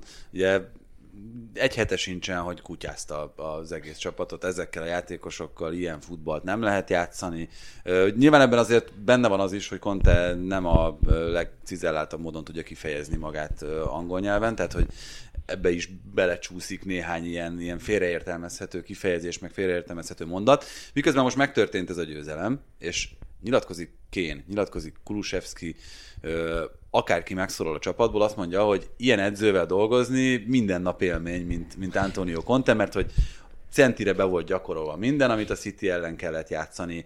Kulusevski is ezt mondta, meg, meg Kén is erről beszélt, hogy, a, hogy lényegében Conte a legjobb edző, akivel valaha együtt dolgozott, meg ilyen részletekre odafigyelve még senkivel nem ö, működött együtt. De elképesztő, főleg, hogy Kén, Harry Kane ugye ezt mondja, mert hogy többi játékos, vagy az újonnan érkező játékosok közül, akik esetleg már Conte jöttek, az, az majd, hogy nem természetes, de hogy Harry Kane ilyet nyilatkozik, megfejtetetlen. Tehát még bennem még kettőség sincs, inkább megfejtetetlen, hogy hát igazából ez akkor volna érdekes ez a nyilatkozat, így is az volt zárójelben, de hogyha, hogyha itt most nem születik ilyen jó eredmény, mert a győztes edzőnek ugye mindig igaza van, de hogyha itt most három-négy góla kikapott van esetleg a Tottenham, hogy akkor mi van. Ugye ez a nyilatkozat az arról szól, hogy ez nem jó ez a keret, hogy sok rossz igazolás volt a múltban, azokat most eltávolították a, a klubtól, hogy leszakadtak a top csapatoktól. Tehát most, hogyha Kontének ezzel az volt a célja, hogy egy kicsit felrázza az öltözőt, egy kicsit a játékosoknak az egójára hasson, akkor, akkor tökéletesen sikerült, de hát azért ebben volt kockázat. Hát a közeli múltban nem is volt annyira előtérben az, hogy bárki ilyet nyilatkozott volna a Tottenhamnél, hogy Conte a világ legjobb edzője. Tehát a vereségek után nem, nem ez a nyilatkozat, nyilván. Nem ez, de egyébként Kén az első másodperctől kezdve azt mondja Contéról, hogy milyen jó együtt dolgozni vele. Tehát, hogy egészen más a, a klíma is, meg minden a csapatnál. Onnantól kezdve, hogy Conte megérkezett, céltudatos, de hát egyébként most nyilván ez Kén teljesítményében is nagyon szépen látható, és abból is kiolvasható, mert Kénnek szerintem egy éve ez volt a legjobb meccse gyakorlatilag, amit, amit, amit most uh, teljesített mindenben. Szóval ahogy most az, hogy minden gólban benne volt, az, az egy dolog, de, de amilyen hasznossá tette magát ő a visszalépéseivel, amilyen módon kivette a, a védekezésből, az ellenfél megzavarásából a részét, az, az, az tényleg az a Harry Kane volt, akiről azt mondjuk, hogy a 120 milliós csatár vagy. És akinek van jövője, tehát nem men? Az, az a következő kérdés, igen, ugye hát nyáron ismerjük az ő helyzetét, hogy szinte hát talán fogalmazhatunk úgy, hogy fél lábbal már ajtón, ajtón kívül volt, és hát pont a Manchester City volt a, az első számú kérő, és hogy ebből a helyzetből sikerült ezt a, ezt a teljesítményt ellen, és hosszú idő kellett hozzá valóban, de hogy te is említetted, itt nem csak a gólok, meg nem csak a támadó játék, hanem Kont elérte nála azt, hogy 20-25 méterrel saját kapujától csúszva, csúszva mászva védekezik, és, és segíti a, a társait. Ez az egység, ami jobban működött a Tottenhamnél ezen az egy mérkőzésen. Hát nem tudom, hogy Harry mi lesz, mert hogy a Tottenhamnek a top négybe kell végezni ahhoz, hogy egyáltalán esélye legyen megtartani. Úgy gondolom, hogy az, az, az továbbra is biztosnak mondható. Most voltak erre utaló jelek, hogy esetleg ez a csapat, ez a keret most már képes lehet rá kontéval. Nem így gondolod? A Manchester United azért tehát nagyon úgy tűnik, mintha ők arra a negyedik helyre nagyon komolyan bejelentkeznének, miközben az Arzenálnak is botlania kéne. És a Tottenhamnek pedig hibátlannak maradnia. Pont az Arsenal a, a legjobban itt vesztett pontok tekintetében, a második a Tottenham, utána jön a Manchester United a Wolverhamptonnal holt versenyben. Igen, tehát a Tottenham képes lehet. Én nem vagyok benne biztos, hogy ez sikerülni fog, de, de ez a teljesítmény, ez megint... Na, arra mondta Csabi, hogy biztos, hogy, biztos, hogy BL helyen kell Igen, végezni, igen, igen, az, az, érthető. Én, meg a keretet, meg, meg tehát, hogy ez az út, amit kijelöltek saját maguk számára, ez, ez hiteles maradjon, hogy, hogy szeretnénk közelebb kerülni az élcsapatokhoz, ez most már Pont ez az, tehát ez, ez, ez, nem is kérdés, hogy, hogy ez a cél, csak hogy egy ilyen rangadó győzelem, az, az mit jelenthet a folytatásra, mert valahogy nem mindig ezt a tatenemet látjuk, sőt, nem ezt a tatenemet láttuk az elmúlt hetekben. De itt válik igazán érdekessé, vagy ebből a szempontból is igazán érdekessé válik Kontének a nyilatkozata, mert egy ilyen nyilatkozat után egy vereség, akkor úgy gondolom, hogy, hogy akkor igazolva látja a külvilág is Conte szavait, és játékosok is, hogy oké, okay, hát nem vagyunk jók, ugye a Chelsea ellen sima vereség, hogy nem vagyunk elég jók ahhoz, hogy, hogy felvegyük a versenyt a, a legerősebb csapatokkal, tehát ott, ott egy törés is bekövetkezett volna, bekövetkezhetett volna egész könnyen, de így, hogy, így, hogy győzelem, így Hát már Conte óriási zseni, hogyha ez volt a cég ezzel a nyilatkozat. Én nem vagyok benne biztos, és hát ha jól tudom, ugye itt az olasz, olasz médiának is, tehát megint Lukaku esetében is a, Hát megtiltotta azt Conte, hogy az olasz médiának bárki nyilatkozzon a klubtól. Igen. Már pedig vannak itt jelentkezők, és ez is egy... Hát az inkább szerintem Bentancur és Kulusevski. Pontosan, ezt akartam mondani, hogy, hogy ők azok, akik újonnan érkeztek, és azért tehát egy győzelem mindig építi a, az öltözőt és a csapatot. Bentancur és Kulusevski még mindig nagyon friss játékos ebben a keretben, de ezen a meccsen kiemelkedőek voltak. Ha csak azt nézzük, hogy a harmadik gólban mekkora szerepe volt mindkét játékosnak. Szerintem itt oda kell visszamenni, megint csak, hogy Konténak milyen az edzői stílusa. Azt mindig mondjuk, hogy ő, ő tényleg egy ilyen kontrollmániás edző, aki mindent úgy szeret látni, ahogy, ahogy azt megrajzolta, meg ahogy azt elképzelték az edzéseken. Szerintem több okból is, de, de ilyen szempontból is két új érkező játékos, hogyha megkapja a világos utasításokat, hogy mit kell csinálnia, akkor biztos, hogy nem fogja túl gondolni. Tehát akkor nem fogja itt a... Tehát most, hogyha Deli Alli ott marad a, a Tottenhamnél, valószínűleg vele ezt nehezebb lett volna megcsinálni, mint ahogyan ez Kulusevskivel meg lehetett.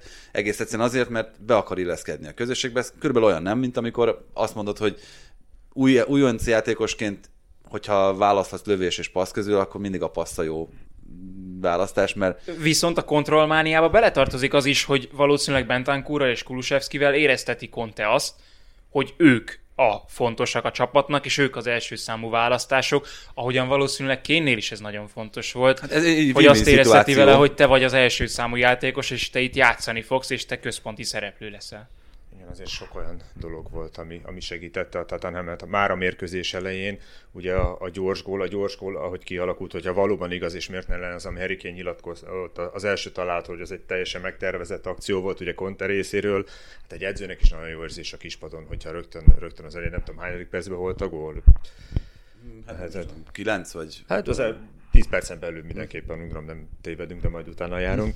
Tehát, hogyha rögtön, rögtön látja, hogy az ő elképzelése az működik, és működik a Manchester City ellen, és az újonnan érkezett játékos vezetés szerez egy ilyen rangodón, hát az, az sok szempontból tud dobni a, a csapat teljesítmény, és ez, ez így is történt.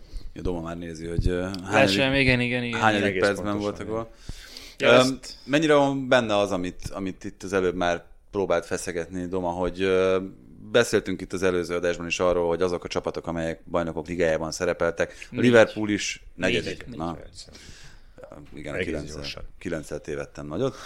Szóval, hogy láttuk azért a Liverpoolon is, hogy kicsit nehezebben győzte a Norwichot, az Inter kikapott a Sassuolo-tól, a City vereséget szenvedett a Tottenhamtől, tehát számíthatunk arra, hogy itt most a BL az ilyen szempontból meghatározó lesz az angol csapatok számára a versenyfutásban? Mármint, hogy... Hát, hogy a BL meccsek előtt, után egy kicsit ez kihat a bajnoki teljesítményre is. Hát én nem gondolnám, hogy az angol csapatoknál ez, ez megtörténik. Sőt, hát a BL-ben látok egy ilyen fajta, talán a tendencia még erős kifejezés, de egy ilyen irányt, hogy egyre több, a, ahogy említetted, a Sporting, Manchester City találkoztat, tehát egyre több, már a BL-ben is a, a sima mérkőzés. Tehát most az egyenes kieséses szakaszban is nagy gólarányú győzelmek születnek, még, még szűkebbé vált az az elit, aki, aki hát kezd eltávolodni, vagy már elkezdett, és egyre jobban eltávolodik a, a többiektől. Én nem gondolnám, hogy most a Manchester City teljesítményi ez, ez, a, ez a Premier League-ben hátrányt okozna, vagy... Hát, még lehet, hogy pozitív is, hogy ott is további önbizalmat, jó élményeket Hát de pont ez az, tehát, hogy ez mégiscsak megtörtént, és, és nem csak az angol bajnokságban, hanem ahogy ezt már beszéltük Vityával is, az Inter ugyanúgy a Sassuolo ellen kikapott, a nem tudom, Paris Saint-Germain kikapott a Nantól, és ez, ez nem lehet, hogy a, annyira rákoncentráltak az, az adott BL meccsre, hogy kevesebb idő, kevesebb energia jutott felkészülni, akár a stábnak, nem csak a játékosoknak a következő bajnokira? Elképzelhető. Ami még, ami még megfordul esetleg a fejembe egy hirtelen, hogy az Inter ugye játszik egy Liverpool-lal, a Paris Saint-Germain játszik egy Real Madriddal, és nem megbántva az ellenfeleket egy Nant vagy egy Sassuolo, de, de tehát, hogy pár nap múlva pedig, pedig a Sassuolo ellen játszol, nagyon nehéz mentálisan és koncentrációban játékosként ugyanazt a, a, a szintet elérni, tehát bármennyire is, ugye az edzők erre általában nagyon figyelnek, de nekik is nehéz dolguk van ilyen szempontból, hogy, hogy ugyanazon a hőfokon égjenek a játékosok egy Sassuolo ellen, mint, mint egy Liverpool elleni BR rangadón. Tehát akkor az a, az a végkövetkeztetés itt a City Tottenham kapcsán, hogy hosszú távú következtetést ne vonjunk le belőle. A City verességéből én úgy gondolom, hogy, hogy nem. Sokan bajnokként kiáltották már, ugye Manchester City-t Guardiola lesz mindig is hangsúlyozta, hogy nem, ez még egy nagyon hosszú menetelés lesz, sok nagy rangadóval, hogy még korán sem eldőlt ez a, ez a bajnoki cím, és hát ilyen szempontból mi ennek örülünk, hogy nem hát persze, mert még, még ugye játszik is egymással a két csapat, és Így vesztett pontok tekintetében három a különbség, úgyhogy, úgyhogy ez jó. Volt egy Wolves Leicester is, és ezt nem véletlenül írtuk bele az adásba, mert egyrészt kevesebb szó esik a, a Leicesterről, arról a Leicesterről, amelyiknél az FA Kupa győzelmük után azt mondtuk, hogy na, ez a Leicester, ez a top 4-et megszorongathatja kicsit, talán már a bajnokságban is. Aztán idénre jött egy ilyen fáradtság, vagy mi, mi ez, ami idén a Leicesterrel történik? Hogy kerül ez a csapat az alsóházba? Hát én szerintem ahhoz, hogy ezt megválaszoljuk, ahhoz először azt kell megválaszolni, hogy hogyan került a Leicester a top 4-be az elmúlt két évben. Én azt hiszem az az anomália a Leicesterrel kapcsolatban. Ugye nem érdemes talán visszamenni 2016-ig, amikor megnyerte a Leicester a, a Premier League-et, de abból a szempontból mégis, hogy megnéztem, hogy azóta a Leicester a hetedik, nyolcadik helynél előrébb soha nem volt költéseket illetően itt a Premier League költéseket, akár a fizetéseket, akár a játékos igazolásokat nézve. nem várható el egy ilyen befektetéstől az, szerintem hosszú távon, hogy folyamatosan ott legyen a top 4 közelében, vagy akár a top 4-ben. Ez sikerült egyébként azóta, mert ugye harcolta ki a Leicester azóta többször az Európai Kupa szereplést, az előző év, két évben a két ötödik hely az egyértelmű. És emlékszünk, mindig az utolsó fordulóban bukják el a Igen, de az, az egyértelmű felülteljesítés volt. Uh, uh-huh. Most, hogy jött egy olyan év, amikor a félkeret folyamatosan sérült, amikor, és itt akkor megint beszélhetünk arról, hogy egy járványhelyzet kellős közepén rendezik ezt, nem feltétlenül voltak ők erre felkészülve, hogy ilyen intenzitással ennyi mérkőzést kell lejátszani szűk határidőkön belül. Ez most kérte be az árát szerintem.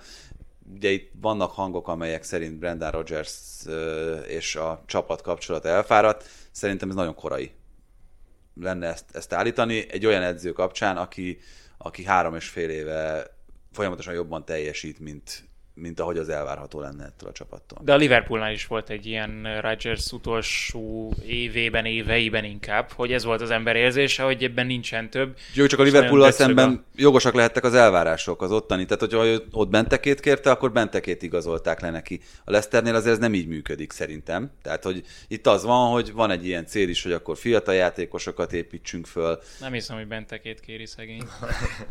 hát konkrétan ott akkor bentekét azért igen, igazolta igen, le a Liverpool én is egyetértek vele, hogy ezt a, ez a felülteljesítés szót használtad, abszolút, abszolút mondom, hogy ez így fogalmazható meg a Leszternek az elmúlt éve, és tényleg nem is kell visszamenni a bajnoki címig, de egy dolog oda kerülni a, a top négybe, vagy most mindegy, tehát az élcsapatok közelébe, és, és ott is maradni hosszabb távon. Tehát az, az borzasztóan nehéz, főleg az általad említett anyagi lehetőségek miatt is.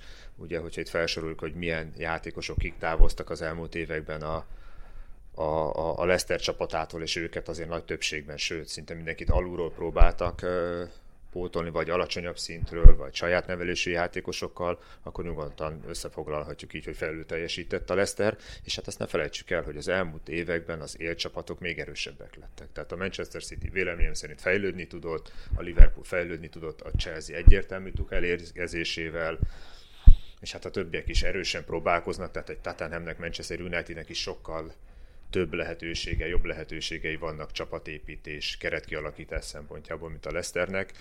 A Leicester egy kicsit ilyen, ilyen szimpatikus kis csapatként jó volt őket nézni, meg, meg szurkoltunk nekik, de sajnos ez a, sajnos igen, tehát ez a futball realitása, hogy, a nagyok még nagyobbak, még gazdagabbak, még erősebbek lesznek, és szűkül ez a réteg, akik, akik itt a lépést tudják tartani. Hát miközben az előttük lévők, mármint költésben, meg a tabellán nézve is azért texteszteri kulcsemberekkel dolgoznak. Kanté a, a Chelsea-ben, Marez, a, igen, Chilwell a Chelsea-ben, Marez a Manchester City-ben, ugye most gyakorlatilag mondhatjuk, hogy a legjobb formában lévő játékos a jelen pillanatban a Citynek Megvájért ugye rengeteg kritika éri, de a Manchester United csapatkapitányáról beszélünk, tehát hogy ilyen szintről Igen. beszélünk akkor, amikor azt emlegetjük, hogy a, a Leicesternél milyen játékos mozgások voltak itt a közelmúltban. És lesznek is, de hát mindig találnak utódot. Hát most nyilván Tillemans a következő, az... Érzékeny veszteség, következő érzékeny. De meglátjuk, mert ugye van egy új generáció, lehet, hogy ez generációváltás lesz, terve még ez jutott eszembe. Hát lehet a keretet illetően, mert ugye Várdi, Várdi az, aki a középpontban van ebből a szempontból, tehát hogy neki ez már kifutó szezonja, legalábbis úgy tűnik. Lehet generációváltás, de az valószínű, hogy az eredményekben is meg fog mutatkozni. A Wolvesnál is volt egy hasonló váltás egyébként, ők viszont pont ellenkező irányba tartanak, és egy kicsit alátámasztotta, aláírta ez a meccs is azt, hogy mi a helyzet. Pedig Brandon Rodgers a meccs utáni nyilatkozatában elégedett volt igazából. Tehát azt mondta, hogy a játék rendben van, csak nem jött ki most a lépés.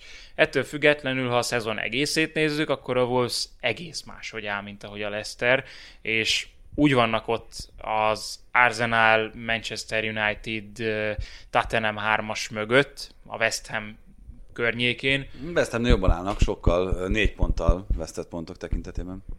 Tehát úgy vannak ott, hogy bőven nincsenek olyan anyagi forrásaik, mint az említett csapatoknak. Hát anyagi forrásaik azok még lennének is, talán, mert ugye ez a kínai tulaj ezzel állítólag nincsen rosszul eleresztve. Pénzügyi szempontból az összeköttetéseik sem olyan nagyon rosszak.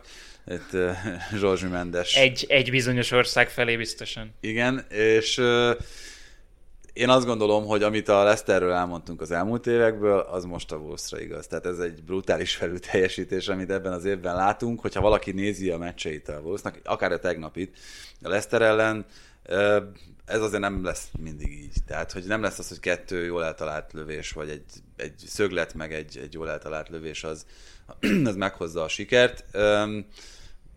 Nagyon jó játékosaik vannak, és az a kérdés, szerintem, ami a wolves kapcsolatban rendszeresen fölvetődik, fölvetődhet, hogy mindenki azt gondolta, hogy a Premier League-be fölkerülve ilyen kalmár politikát folytat majd a csapat, hogy, hogy mindig hasonlóan egyébként a Leicesterhez, hogy nagyon drágán eladja majd a, az adott évben legjobban teljesítő játékos. Hát ez nem feltétlenül van így. Tehát, hogy adtak el, mert elment Doherty, elment most Adama Traoré, de az ott ugye nem nyerészkedési vágyból, de nem, egyelőre nem arról szól lesz, hogy itt most Zsorzsi Mendesnek egy ilyen kirakat csapata, hogy innen válasszon mindenki, aki akar. Tehát ennél, ennél sokkal jobb, meg tudatosabb építkezés folyik, úgyhogy emiatt én De azt pont gondolom, ez az, hogy a Leicesternél ezt más, másképp érzem. Tehát a Leicester sokkal hosszabb távon gondolkodik, és ők pénzügyileg is abszolút erre mennek, tehát hogy nagyon komoly áron tudják értékesíteni a játékosokat, és továbbra is azt mondom, hogy hiába áll előrébb a Wolves, ez a hosszú távon nekik nem lesz annyira kifizetődő, mint a Leicesternek. Akár egy Dakadil, akár NDD, Tillemans, de tehát rengeteg olyan játékos Hát van, Szőjüncsű is, Pedro Neto, de, de ott is vannak nagyon jó. jó. Én a Wolvesnál az, az a nagy különbség, tehát hogy anyagilag stabilak, eléggé stabilak ahhoz, hogy nem kell eladni, hanem lehet eladni játékos. Tehát, hogy építkeznek, fejlődnek a játékosok, tehát akik, akik náluk vannak, én úgy gondolom, hogy fejlődnek, ugye itt fiatal portugálokról beszélünk, meg tehát a portugál kapcsolat az mindenképpen nagyon jelentős. És a, a másik különbség, ha például Leicesterre hasonlítjuk össze, hogy, hogy az elvárások. Tehát a Wolvesnak mi- mit kell elérni ebbe az évbe? Igazából semmit. Tehát, hogyha bent maradnak, most kis túlzásra természetesen, meg nem most, de szezon elején biztos bennmaradású, az, az volt a célkitűzés, ha lehet ezt így megfogalmazni. Ez akkor válik majd érdekessé, amikor közeledünk ugye a bajnokság vége felé, és, és, és esetleg olyan helyen vannak, ne akár esetleg Európába lehet indulni, most top 4 azért az túlzás az ő esetükben, de hát hogy hogy egy szép szezont hogy tudsz lezárni, akkor, akkor jelenik meg először a, az öltöző környékén, vagy a klub házatán az, hogy nyomás valami. Akkor még mindig nem lesz akkor a nyomás, mint a, a, a nagy csapatoknak, hogy top 4-be végezzenek, de akkor, akkor azért ott már csalódás is lehet a végén, tehát ez mindenképpen említendő. Én szerintem lépjünk át Hollandiába, mert gyanítom, azt tudom, hogy Tibinek ez, ez egy fontos téma, de, de gyanítom, hogy mindhármunknak így kicsit kiemelkedett a, a mostani adásból az, ami az Ajaxnál történt az elmúlt időben. Először a tények, ugye Mark Overmars-t menesztette, nem, bocsánat, pont, pont elrontottam. Mark Overmars felmondott az Ajaxnál, és önszántából távozott, azok után, hogy egy holland lap lehozta, hogy ha nem is konkrétan molesztált nőket, de a nemi szervéről küldöz, küldözgetett ö, fotókat a klub alkalmazottainak. Ö, angolul úgy volt, hogy over an extended period, tehát hosszabb ideje ez már zajlik, és sokan tudtak is a klubnál erről, kapott becenevet is már Overmars ezzel kapcsolatban a klubon belül, és mostanra derült fény a dologra, úgyhogy egy újság lehozta, de mm, mi, mi ennek a botránynak a kifutása? Egyáltalán ti hogyan látjátok ezt a dolgot, meg milyen érzelmek kavarognak bennetek ezzel kapcsolatban? Hát, nagy- nagyon érdekes, vagy nem is tudom mi a helyes megfogalmazás. Talán annyit, annyit javítaná az elmondottakon, vagy helyesbítenék, hogy én úgy tudom, hogy az Ajax előre menekült, és amikor megtudta, hogy van ez a nyomozás az újság részéről, akkor ők ilyen lehetetlen időpontban, azt hiszem pont vasárnap este 11 és éjfél között kihoztak egy sajtónyilatkozatot, hogy Overmars viselkedése miatt felmondott és nagyon szégyeli magát, és hát utána derült ki, hogy valóban itt azért már egy előre haladott nyomozás folytat ez, a, ez a, az, az aktuális lap. Itt talán 11 ö, hölgy alkalmazott nyilatkozott névtelenül, és, és tehát valószínű, hogy ez, ez napvilágra került volna előbb-utóbb. Hát nagyon nehéz, ugye nem titok, vagy hát ezt gondolom, hogy ebbe egyetértünk, hogy a, az egyik legsikeresebb európai klubról beszélünk, és annak is egy kiemelkedően sikeres technikai igazgatójáról, ha csak arra, vagy azt említjük, hogy az elmúlt években azt hiszem 500 millió forint, ö, eurós, nem mindegy, eurós játékos eladást produkált, és hát ennek nagy része azért saját nevelésű játékosok, olcsón a klubhoz érkező ö, személyekről van szó, tehát ennek a nagy része haszon és hát bombaként csapódott be. Van egy Erik Ten Hag, ugye a kispadon, aki, aki Marco Overmars kérésére érkezett a, a csapathoz. Személyes barátok. Személyes barátok. Ő is nagyon nehéz helyzetbe került. És hát van egy Van de Sar, aki nagy kérdés szintén, hogy ugye Marco Overmarsnak meghosszabbították a szerződését, őt szerette volna a Barcelona, az Arsenal és, és több európai nagyklub, az Ajaxnál meghosszabbították a szerződését, hát most ezen, ezen megy a, a vita, vagy ezt találgatja mindenki, hogy tudott-e, Van de Sar tudott-e erről. Hogy Hát beismerte, hogy tudott. be is, hát azt mondta, hogy voltak ilyen jelek valóban, de hogy talán ennyire nem volt. Igen, de az ártatlanság vélelme az megillette Overmars. Igen, tehát hogy, hogy ugye itt most a kritikák elsősorban arról szólnak Van de Sar felé, hogy hát egyrészt az, hogy sokáig várt, mire kiállt a média elé, és elmondta a gondolatait, pedig mindenki tőle várt, ugye együtt játszottak, overmars most is már nagyon hosszú évek óta együtt dolgoznak.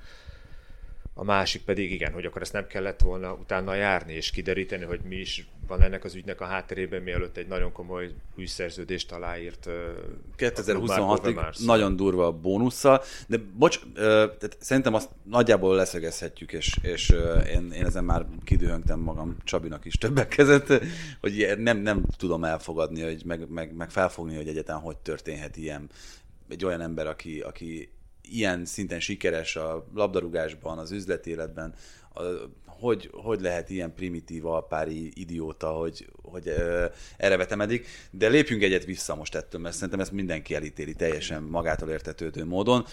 Mitől volt sikeres ez az Ajax projekt? Mert annak idején erről sokat beszéltünk, hogy ők azért valamit jobban és másképp csináltak, mint más klubok. Például ugye azt hiszem az elsők között ez volt, hogy az az Ajax, amelyik végül aztán a bajnokok ligája elődöntőjéig jutott, ott a játékosokat mindegyiket összehasonlították valamelyik korábbi kiválósággal, és akkor ö, volt egy csomó olyan elem az ő toborzásukban, meg az ő csapatkialakításukban, ami újdonságot, frissességet jelentett, és ettől volt zseniális.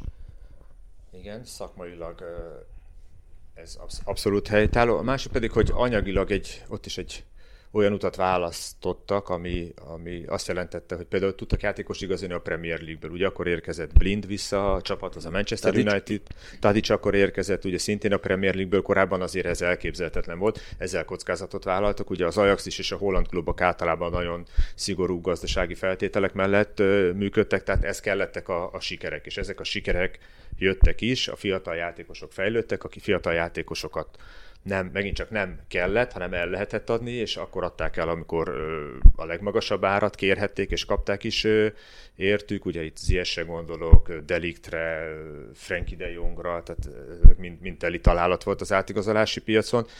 És közben ezt a, az eredményességet, mint a hazai piacon, mint pedig a, a bajnokok ligájában, ezt, ezt továbbra is tudták tartani, kisebb-nagyobb kilengésekkel, és hát tényleg ezért is tényleg egyetért, tehát abszolút értetetlen és felfoghatatlan, ami, ami történt, de hát ezt nem csak így a mi körünkben mondhatjuk, hát kis túlzással egész, egész Hollandia ezen rágódik, vagy Hát ezzel főleg ez, hogy foglalkozik. 11 olyan embert találtak, aki, vagy 11 olyan nőt, akit így zaklatott. Azért egy foci csapat. ez hogy, hogy, tehát hogy gondolta, hogy ezt megúszza, viszont én úgy vagyok vele, mivel már beszéltünk itt a futball vonatkozásról, hogy a kettőt teljesen külön kell választani. És azért mondom, hogy külön kell választani, mert hogyha a portás csinálja ugyanezt, a takarítónő csinálja ugyanezt, vagy valamelyik játékos csinálja ugyanezt, vagy a stábban bárki más, akkor is ugyanaz a helyzet. Tehát, hogy ez teljesen különálló attól, hogy ő mit ért el, akár a pályán, akár, mit tudom én, portásként na- nagyon kedvelték, vagy masszörként valakit nagyon kedveltek. Ez egy teljesen különálló eset, ezért meg kell kapnia a büntetését, és onnantól kezdve az, hogy mit csinált, milyen sikereket ért el Európában, milyen csapatot épített, az nálam egy teljesen külön téma. Tehát Ezt, ezt így is kezelték egyébként a klubon belül is, és hát a, az Ne, ország- pont ezt az nem éreztem. belül is. Pont ezt nem éreztem, hogy a klub az úgy kezelte volna, hogy ez teljesen külön áll. Mert hogy, mert hogy ö, ilyenkor vagy az van, hogy te nagyon határozottan külön választod a kettőt, vagy pedig az van, hogy Marco Overmars óriási sikereket ért el, de ki kell tennünk, mert. Vagy Marco Overmars nagyon sajnáljuk, hogy ki kell tennünk, mert egyébként nagyon szép sikereket ért el a klubban. De nem, azok után, hogy ez, ez konkrétan kiderül, pontosabban konkrétan a mai napig nem derült ki, de hát, hogy ezek az esetek felszínre kerültek, egy pillanatig nem habozott a, a klub. Tehát, hogy megadták neki azt a lehetőséget, hogy ő mondjon fel, de hát tudjuk, hogy mi van ez mögött, és hát, hogy így a nyilatkozatokat olvasom, meg, meg a reakciókat, Fánbasztán volt az, aki, aki úgy nyilatkozott, hogy oké, okay, ő is maximálisan elítéli és sajnálja, ami a hölgyekkel történt, de hogy az az érzés, hogy a médiában úgy foglalkoznak vele, mint hogyha szó szerint, mint hogyha megölt volna valaki, tehát ő volt, aki így, így valamilyen szinten együttérzést tanúsított, a másik pedig ugye a legjobb barátja Ten Hag, aki azt mondja, hogy ő is elítéli, nagyon csalódott, de hát ő a barátságuk ezáltal az. Tehát volt az egyetlen, aki kettő. megszólalt itt az ügyben egyébként. Igen, és hát Van ezért, ezért is kapott kritikát, ugye, hogy sokat várt, mire először kamerák elé állt, és hát tehát az egyik mérkőzés, azt hiszem Vitesse elleni kupa mérkőzés után kapta meg ezeket a rendkívül kellemetlen kérdéseket, ami az ő esetében ugye ez, ez fokozottan igaz, úgyhogy a, a legjobb barátjáról van szó, és hát ő, ő, őt ezt dicsérték, vagy elismerték, hogy ő odaállt, és ezt, ezt bevállalta. Van der azt mondta, hogy neki először a saját szervezetén belül kell, ő a szponzorokkal foglalkozott, ő a játékosokkal, ami valóban igaz, csak hát ugye azt mondják, hogy az Ajaxnak a legfontosabb tehát kell, hogy legyen azok a szurkolók, és a szurkolókat pedig a médián keresztül tudod megszólítani, őket a médián keresztül tudod tájékoztatni, és ez legalább olyan fontos lett volna, mint hogy a szponzorokkal leüljél és, és, és tájékoztasd őket. Ez egy olyan pozíció, mert itt ö, olyan, olyan egyszerű lenne, hogyha mindenki ezt meg tudná csinálni, amit az Ajax meg tudott csinálni, hogy fölépítesz egy ilyen, egy ilyen szervezetet. Ö, o, még egy Overmars nem lehet csak úgy találni, az egész biztos, mert neki a neve, a focista múltja, a, a pályán elért eredményei, az Ajaxhoz való beágyazottsága, az mind-mind segítették azt, hogy, hogy ennyire sikeres legyen ez a projekt. Tehát, hogy itt szerintem félretéve tényleg azokat, amikről itt beszélünk, hogy mennyire elítélendő, és mennyire nem lehet egy ilyen embernek helye semmilyen lényeges pozícióban. Ez a dühítő benne, hogy, hogy, hogy egyébként meg, meg nem, egy, nem egy szakmai indok miatt, vagy nem egy szakmai ok miatt dőlt meg. Tehát nem az volt, hogy kötött három rossz szerződést, amitől a klub nehéz anyagi helyzetbe került volna, hanem, hanem egy, egy ilyen aberráció okozta azt, ami most amellett, hogy tudom, tehát nem lehet külön választani attól, hogy ő vállalhat-e munkát vagy sem, de attól, hogy milyen a szakmai kompetenciája, mégiscsak külön kell választani. Egy nagyon erős hármas bomlott meg ezáltal, ami, ami döntően befolyásolhatja a klubnak a jövőjét. Ugye Sar és Overmars együtt játszottak a holland válogatottban, hatalmas nemzetközi tapasztalat játékosként, nagyon sikeresen működtek együtt az Ajax vezetésében, és egy Erik Ten Hag csatlakozott hozzájuk, aki Overmarsnak a barátja, és az egyik legtehetségesebb, sőt, hát most már több is, mint az egyik legtehetségesebb, most már fogalmazhatunk, hogy jelen pillanatban a legjobb holland edző. Overmarsnak voltak nemzetközi ajánlatai, amit említettem, komoly csapatokhoz, és és ugyanez igaz Ten Hagra is, aki, aki azért maradt, hogy Overmars-szal dolgozhat együtt, Van de Sárral dolgozhat együtt. Hát Overmars ugye távozott a klubtól, Van de Sár nagyon erős tűz alatt áll a, a, a közvélemény részéről, és hát mi lesz Ten Hagtól? Tehát, Jó, de azt mondd el Csabi nekem, hogy, hogy uh, arról beszélünk, meg mondott te is, hogy Ten Hag a legjobb barátja, hogy végigjárt több klubcsapatot Overmars, válogatottban rengeteg csapattársa volt. Itt most alapvetően nem kompetenciáról beszélünk, nem arról, hogy mennyire értett a, saját szakterületéhez, hanem emberi jellemzőkről. Hogy a fenében nem derül ki az, a legjobb barátjának, a csapattársának, akivel együtt zuhanyoznak, meg együtt töltöznek, hogy itt egy, egy, egy ilyen, mit tudom én, szexuális ragadozóról van szó, azt ne felejtsük el, hogy ez egy rendkívül kényelmetlen téma mindenkinek. Tehát ezért nem, nem véletlen az, hogy Jó, de... nem nyilatkoznak. Most még hogyha hallasz is ilyen plegykákat valakivel kapcsolatban, akkor is, tehát borzasztó nehéz ezt, ezt így akárkivel kibeszélni, vagy akárkinek előállni vele, hogy te ezt hallottad, vagy veled ezt csinálták. Például az egyik női alkalmazottnak nem, nem, nem állsz ki úgy a másik elé, hogy, hogy én ilyen képeket kaptam, mert borzasztó kényelmetlen maga az egész téma. A, bocsánat, csak ami érdekes, még az egész az úgy kezdődött, hogy van ez a Voice of Holland nevű televíziós műsor, ahol szintén kiderült, hogy voltak hát szó szerinti fordításban ilyen határt átlépő viselkedésként írják le a hollandok, és hát, hogy ilyen esetek előfordultak. És Van de Sar küldött egy körímélt a, a, a hölgy alkalmazottaknak, azt hiszem 350 alkalmazottja van az Ajaxnak, nem tudom, vegyük ugye fele az hölgy, hogy kijelölt két belső kontaktszemélyt, illetve egy külső kontaktszemélyt. Tehát ha valaki nem bízik a belső, akkor mehet egy külső szakértőhöz, vagy nem tudom, hogy kell ezt megfogalmazni, ne? tehát hogy, hogy velük vegyék fel a kapcsolatot és jelezzék. És hát amit, amit nem várt szerintem ő is, hogy ezzel elindított egy, egy lavinát, hogy oké, okay, hogy akkor onnantól kezdve érkeztek az e-mailek, és, és egy olyan téma került a felszínre, ami hát valóban előtte hónapokig nem. És hát egy ilyen helyzetbe hozta a klubot. Az emberi oldal az, az értetetlen. Tehát, hogy az, hogy ez hogy nem derül ki, vagy, vagy hogy alakul ki. Most el tudod képzelni bármelyik ö, olyan barátodról, akit, aki csapattársad volt, hogy hogy kiderül ilyesmi. Tehát, hogy ez... De, de, de el tudod képzelni valakiről, hogy megrugdossa gyerekei szeme láttára a macskáját, vagy megveri a barátnőjét sikeres emberként, sztárként. Azért tudom elképzelni, ez... mert, mert, mert azt gondolom, hogy ugyanolyan a focista közeg is, meg minden más közeg is, mint az élet, hogy vannak idióták, meg hülye emberek, meg, meg, meg ellenszenves figurák, meg vannak olyanok, akikkel, akikkel könnyű együttműködni, és szorosabb barátságban. De itt most barátságokról beszélünk, tehát Ten Hag a barátja Overmarsnak el tudta titkolni éveken keresztül, hogy ő a, bocsánat, a farkát küldözgette a női alkalmazottaknak?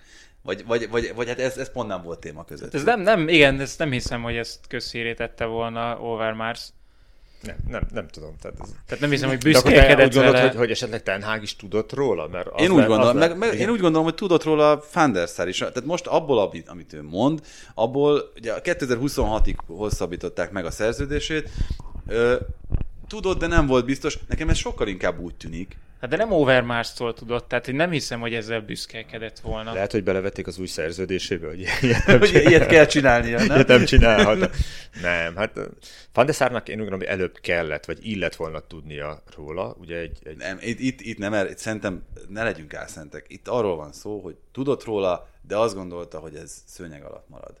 Én, én szerintem... Van de Sár. Igen. Ezt el tudom képzelni. És ugyanígy gondolkozott valószínűleg Ten Hag is, mert tehát Van der Sar már csak abból, ez a, hallottam róla mások, tehát hogyha oda megy hozzá Veronika, igen. és azt mondja, hogy te figyelj, a barátod és a, és ezt, a kollégád, ezt, aki egy vezető, Tibi, ezt mondom, hogy ez annyira kényes, képeket. ez annyira kényes ez a téma, hogy egy alkalmazott nem megy oda így a Van der Sarhoz, hanem sokat kézből hal valamit. Jó, de akkor is, ha sokat kézből hal valamit, akkor Na gyere az irodámba, Márk.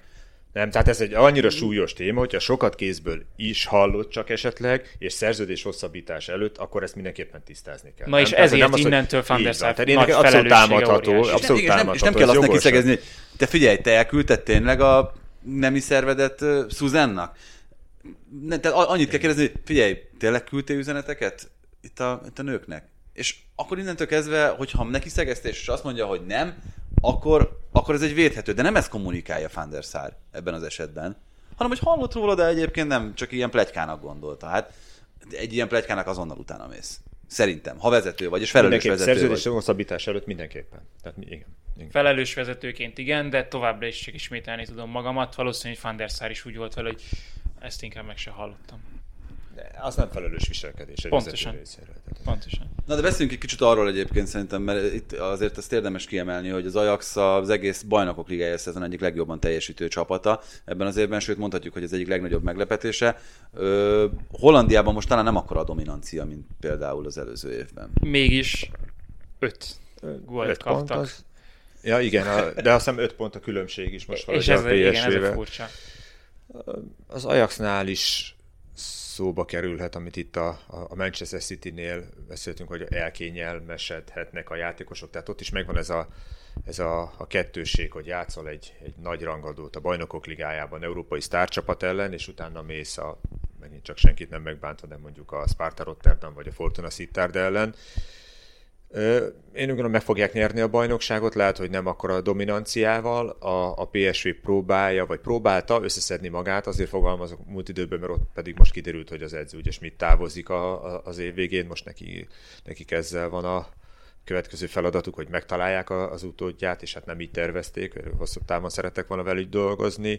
A Feyenoordnál pedig, pedig ott is sokáig vártak a szurkolók a, a sikerre, és most Árnes Lott érkezésével, ugye aki az Álmártól jött, most, most úgy néz ki, hogy alakul egy olyan csapat, ami, ami ezeket az igényeket esetleg kielégítheti tehát fejlődnek a, riválisok is bizonyos szempontból, de az elmúlt évek sikeres szereplés egy akkora előnyhöz, és elsősorban anyagi előnyhöz juttatta az Ajaxot a riválisokkal szembe, amit még, még nagyon nehéz lesz évekig áthidalni. Az Ajax megteheti azt, amit például Bayern München évek óta Bundesligában, hogy a legjobb játékosait megvásárolja a, a konkurenciának, és nem csak, nem csak pénzzel érje lesz, de valóban, hogyha valaki stabilan a bajnokon ligáját szeretne játszani, és ki ne szeretne, akkor, akkor azért ez egy erős hívó szó az Amsterdamiak részéről.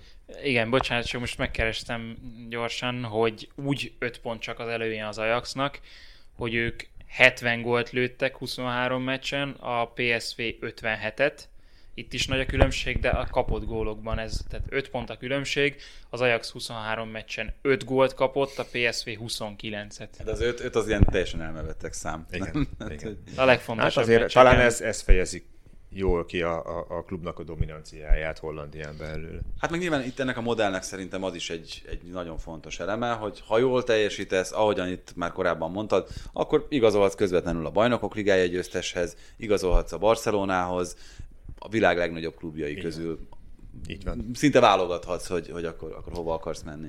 Így van. Ami esetleg veszélyes lehet, és ez egy kisebb európai trendként is felfogható, hogy megjelentek olyan játékosok, akik ingyen szeretnék elhagyni a klubot. És egyelőre az amsterdamiak se tudják, hogy, hogy mit kezdjenek ezzel. Tehát természetesen színre lépett egy Rájóla nevű, nevű ügynök, aki a legnagyobb tehetségekkel foglalkozik, és, és, és úgy van, hogy utolsó évben értek, és két-három név, többek között Mazraoui is, aki, aki a nyáron már biztos, hogy ingyen távozik. Hát jó régi ez... vadászterepe Rájólának az Ajax, nem? Az Ajax is, igen, de eddig, eddig tehát hozott is pénzt a klubhoz, és tehát ezt láthatjuk a PSG-nél is, tehát a, a United-nél is, hogy a legnagyobb játékosok, a legnagyobb nevek el tudják azt érni, és ez megint csak egy, egy érdekes kérdés, vagy több érdekes kérdést vet fel, hogy el tudják azt érni, hogy ingyen igazolhatnak. Tehát akik sok-sok millióért vásároltak, és valószínű, hogy még most is sok-sok millióért tudnának eladni, kisebb-nagyobb haszonnal vagy veszteséggel ők ingyen kisétálnak, és az átigazolási díjnak a nagy részét azt a saját maguk, illetve a menedzserük zsebébe teszik. De nem hiszem, hogy az olyan nagyon nagy problémát jelenteni így rövid távon az Ajaxnak. Tehát hát az ez, idei szezonra még nincsen hatással. Nem, nem, az idejére semmiképpen. És hát... BL-ben sincs, mert egyébként pont néztem, van ez a valószínűség számító cég, amelyik 538, amelyik megjósolja itt a bajnokok ligája esélyeket, és az Ajax elég elő van, mint a döntőbe jutásnak az egyik, egyik esélyese, talán ilyen 20% fölött van a, az ő, ő valószínűségük, ami hát így nyilván döbbenetes azoknak az embereknek a számára, akik Manchester City, Paris Saint-Germain, Bayern München, tehát inkább ezekhez a nevekhez vagyunk szokva, miközben az Ajax közvetlenül talán nem mögött, a három mögött ott van. Ez az Overmars ügy előtt, vagy után volt? Mert ez után, az is, az után. Is hát ez, ö, igazából szerintem azt még mindenki találgatja, hogy ennek mondjuk rövid távú hatásai lesznek-e a csapatra. Mert elvileg nem szabadna, hogy legyenek. A keret kialakult, az edzői stáb változatlan. Az edző jövőjére például lehet, most azt nevezhetjük, most már akár rövid távúnak is, ugye, mert, mert Igen. Tehát abból a szempontból lehet, hogy egy olyan edző ül a kispadon, akiről esetleg pár héten, hónapon belül kiderül, hogy távozni fog, az, az befolyásolhatja a játékosok jövőjét, teljesítményét is de egyébként a két mérkőzést játszottak, azóta mind a kettőt maga biztosan megnyerték, tehát egyelőre nincs, nincs ilyen faj. Tehát ez a bajnokok ligájában lehet es, érdekes. Én nem látom, hogy az Ajax egyébként ezt, ezt át tudná hidalni, ezt a meglévő különbséget, játékos keretek és anyagi lehetőségek tekintetében egy mondjuk egy Manchester City. Hát egy, Benfica ellen... Hát a Benfica ellen kötelező továbbjutás. Ugye a Benfica is most, most szenved, ott is megvan a saját maguk problémája, tehát ott, ott mindennek ellenére úgy gondolom, hogy az Ajaxnak tovább kell jutnia. Már nyolc között vannak. Tehát Akkor már nyolc ez... között vannak, igen, igen. De hát itt ugye mindig az a, az, az utolsó négy, ami, ami évről évre most már azért kezd kialakulni, hogy kik azok, akik oda betetik a lábukat. Igen, hát egyébként nem véletlen az, hogy a, az európai legnagyobb kluboknál is bajnokok ligája elődöntőben mérik a sikert többnyire. Így Tehát, van. hogyha ott vagy a négy között, azért az, az már egy olyan teljesítmény, amivel tényleg a, a legfelső szintre kerültél. Amúgy nem tudom, kíváncsi vagyok, hogy mennyire figyeled még így a holland focit a hétköznapokban, vagy, vagy mennyire van ott a középpontban? Hát középpontban nincsen, a híreket olvasom, követem, holland szaklapokat, azért sokat lehet belőle tanulni, meg, meg, meg érdekes dolgok is kerülnek felszínre, de középpontban most már azért, azért nincsen. És hogy látod ezt a Benelux kérdést, mennyire lenne az, nem az, hogy égető dolog, de gondolom azért a hollandok szempontjából kevésbé sürgető, hogy legyen egy ilyen össznépi Hát a belga megszavazták, megszavazták már ezt, hogy, hogy ők csatlakoznának, ha lenne ilyen. A luxemburgiek megszavazták? Ki... Ez csak azért egyértelmű, hogy a belgáknak ez több haszonnal járna jelen állás szerint, mert hogy ők vannak kicsit lemaradva itt a, a bajnokságok kerősorrendjében. Én 2000-től 2011-ig játszottam Hollandiába, már akkor is, most pontos évet nem tudok mondani, akkor is ez rendszeresen felmerülő téma volt, hogy na, hogy lehetne a bajnokság színvonalát növelni, és ez egyértelmű, hogy ebből a szempontból, tehát szakmai szempontból jó megoldás lenne egy, egy belga-holland, most beszéljünk erről a két országról, ugye a top csapatok, hogy több, több kiélezett mérkőzés. Mi bajod a luxemburgiaknak? Tehát, hogy több, több nagy mérkőzés, több jobb, viszont... Hollandiában töltött évek eltöltöttek gyűlölettel a A luxemburgiak. luxemburgiak. nem, nem, szó sincs erről, de... Viszont ami, ami legalább annyira fontos, hogy a, a nézők részéről pedig a felmérések azt mutatják, hogy, hogy nem mutatkoznak komolyabb érdeklődés. Tehát, hogyha a belga csapatok, és akkor ott belga középcsapatok ellen is kellene játszani. Tehát, hogy igazából Pedig távolságra azért nem távolság, lenne nagy. az, biztos, hogy nem lenne akadály, a szakmai színvonal is szinte biztos, hogy, hogy, hogy nőne, az, hogy a, a közönség nem, nem Hát- hozza, nem hozza őket jobban lázba egy belga nagy csapat elleni. Valószínűleg a tradíciók miatt, Tradíciók nem? miatt valószínűleg, igen. És hát ugye azt ne, vagy hát, hogy normál békeidőkben, idézőjelben, hogyha nincs járvány, nincsenek korlátozások, akkor azért a holland stadionoknak a kihasználtsága az, az még erősen 90% körüli feletti, úgyhogy nincs, ilyen szempontból nincs kényszer, hogy megszülessen ez a döntés. Nem értenék a francia feliratokat, aztán ezért nem támogatják. És a valonok meg nem írnának ki semmit flamandul, nem? Le- lehet, igen, hogy ilyen, ilyen konfliktusok lennének, de mondom, tehát ez hosszú évek óta visszatérő téma. Kíváncsi vagyok, hogy, hogy egyszer megvalósul-e, van pro és kontra érv mellette. Igen, egyelőre Európában nem látunk ilyet, pedig ugye Magyarország is érdekelt egy ilyenben, tehát itt is többször felmerült már, hogy, hogy lesz-e közép-európai liga. No, Csabi, köszönjük szépen, hogy eh, itt voltál, és kibeszélhettük ezeket a fontos történéseket. Jövünk majd a jövő héten is, addig pedig hallgassátok vissza az eddigi részeket, iratkozzatok föl Facebookon, Instagramon, TikTokon, Így van. a legfontosabb, és akkor jövünk majd a jövő héten is. Sziasztok!